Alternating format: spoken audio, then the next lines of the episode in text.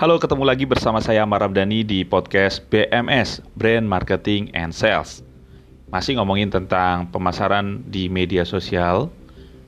Nah, kita akan bahas tentang bagi-bagi hadiah secara online gitu ya atau giveaway. Nah, apa sebenarnya manfaat membagikan hadiah secara online untuk bisnis kalian? Apa sih yang perlu disiapkan sebelum melakukannya dan bagaimana supaya aktivitas bagi-bagi hadiah ini menarik perhatian?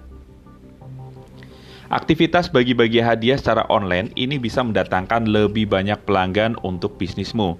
Orang suka berkompetisi dan kalau mereka memenangkannya, mereka akan menceritakan pengalamannya ke mana-mana. Ini membuat produkmu atau brandmu jadi lebih menarik.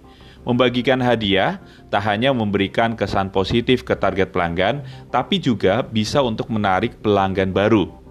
Gimana caranya? Gitu ya. Nah, biasanya yang saya doing adalah kira-kira berapa persen ya orang yang akan ikut acara bagi-bagi hadiah akhir uh, jad, akhirnya jadi pelanggan gitu ya. Apakah 25% dan sebagainya. Ternyata hasilnya aktivitas seperti ini ini bisa mempengaruhi 75% orang yang berpartisipasi dan menjadi pelanggan yang membeli produk atau brand kamu. Karena efeknya besar, kamu harus tahu cara membuatnya biar sukses. Gimana caranya gitu ya? Nah, bentuk bagi-bagi hadiah ini ada dua tipe. Pertama adalah undian berhadiah atau lomba. Undian sifatnya ini untung-untungan, tergantung nasib baik orang yang mengikutinya. Sedangkan lomba itu atau kompetisi, itu kamu ngajak orang melakukan sesuatu, misalnya membagikan foto atau mendaftarkan alamat emailnya, dan pemenang ini ditentukan berdasarkan suara terbanyak atau kriteria lainnya. Tipsnya nih, sebaiknya sebelum mengadakan aktivitas seperti ini, didiskusikan terlebih dahulu dengan ahli hukum supaya tidak menimbulkan masalah. Mungkin kalau di kantor biasanya saya diskusikan dengan orang legal gitu ya. Apa pun tipe yang kamu pilih, yang terpenting kamu harus menentukan tujuan bisnisnya dulu. Apakah tujuannya supaya lebih dikenal di media sosial, untuk meningkatkan penjualan tujuannya atau apa yang kira-kira uh, kamu doing giveaway ini tujuannya apa sih?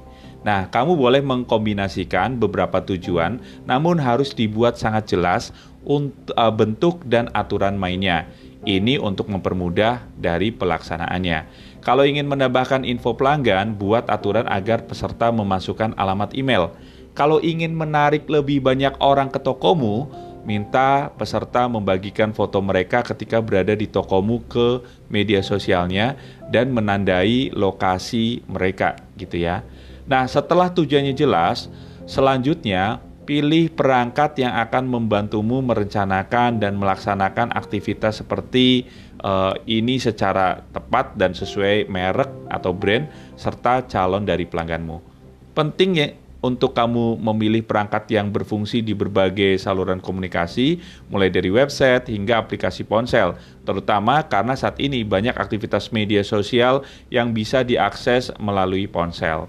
Kamu bisa memanfaatkan layanan yang memiliki platform untuk membantumu membuat dan melakukan kampanye aktivitas tersebut, gitu ya.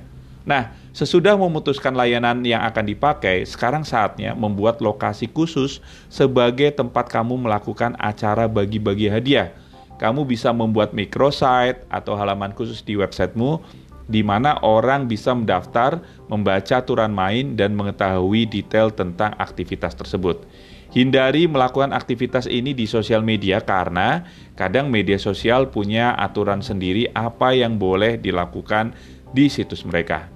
Media sosial ini sering membatasi tipe atau bentuk aktivitas seperti ini, jadi mempersulit orang untuk berpartisipasi. Agar bisa berjalan lancar, sebaiknya didiskusikan dengan ahli hukum. Kamu bisa memakai media sosial sebagai alat promosi acara bagi-bagi hadiah kamu, dan kamu bisa menulis kabar terbaru, menampilkan pemenangnya, dan berbagai berita lainnya yang berhubungan dengan aktivitas tersebut. Supaya aktivitas kamu mendapat perhatian maksimal dari pelanggan, kamu perlu luangkan waktu untuk melakukan promosi jauh-jauh hari sebelum acara. Cari tahu apa yang kamu bisa promosikan aktivitas ini di, di, media sosial. Kalau bisa, tulislah beberapa posting tentang hal ini di media sosial atau newsletter emailmu.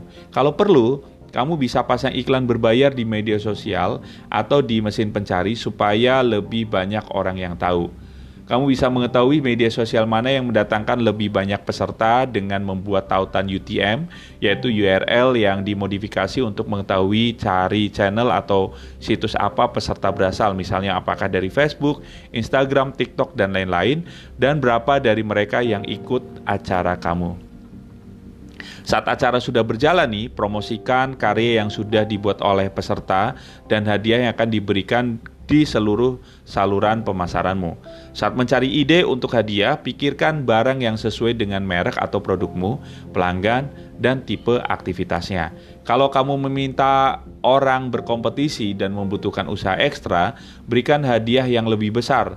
Tak banyak orang yang mau mengirim foto selfie dengan produkmu demi voucher minum gratis satu kali.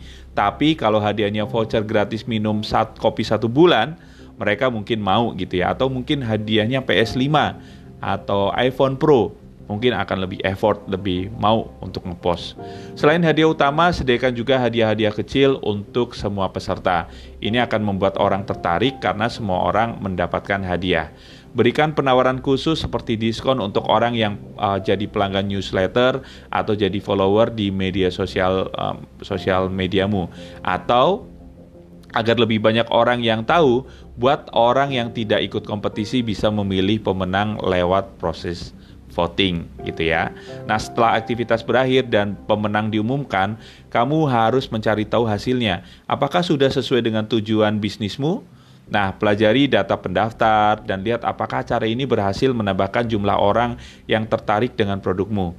Cek siapa saja pelanggan lama yang ikut berpartisipasi. Gunakan layanan seperti Mailchimp untuk uh, membantumu ya. Dan keuntungan promosi dari aktivitas ini masih berjalan seperti acaranya sudah selesai dan hal ini disupport oleh survei dari agensi digital bahwa 84,5% peserta lomba masih membagikan posting dari merek tertentu bahkan setelah aktivitasnya berakhir. Kamu bisa melakukan aktivitas bagi-bagi hadiah beberapa kali setahun, tapi jangan terlalu sering, nanti dianggap tidak menarik lagi oleh pelangganmu. Ingat ya, selalu pastikan aktivitas seperti ini sesuai dengan aturan, baik hukum atau atau peraturan yang berlaku uh, dapat berubah-ubah. Demikian juga dengan peraturan media komunikasi uh, di digital. Bicarakan dulu dengan ahli hukum sebelum membuat dan mempromosikannya. Setelah belajar tentang cara membuat aktivitas bagi-bagi hadiah atau giveaway secara online, ayo kita lihat apa kamu sudah bisa membuatnya sendiri. Silahkan, kamu bisa mencoba. Semoga tips ini atau podcast ini bisa bermanfaat, kalian bisa coba, dan kalian bisa improve untuk growth dari bisnismu. Salam, Amar Max.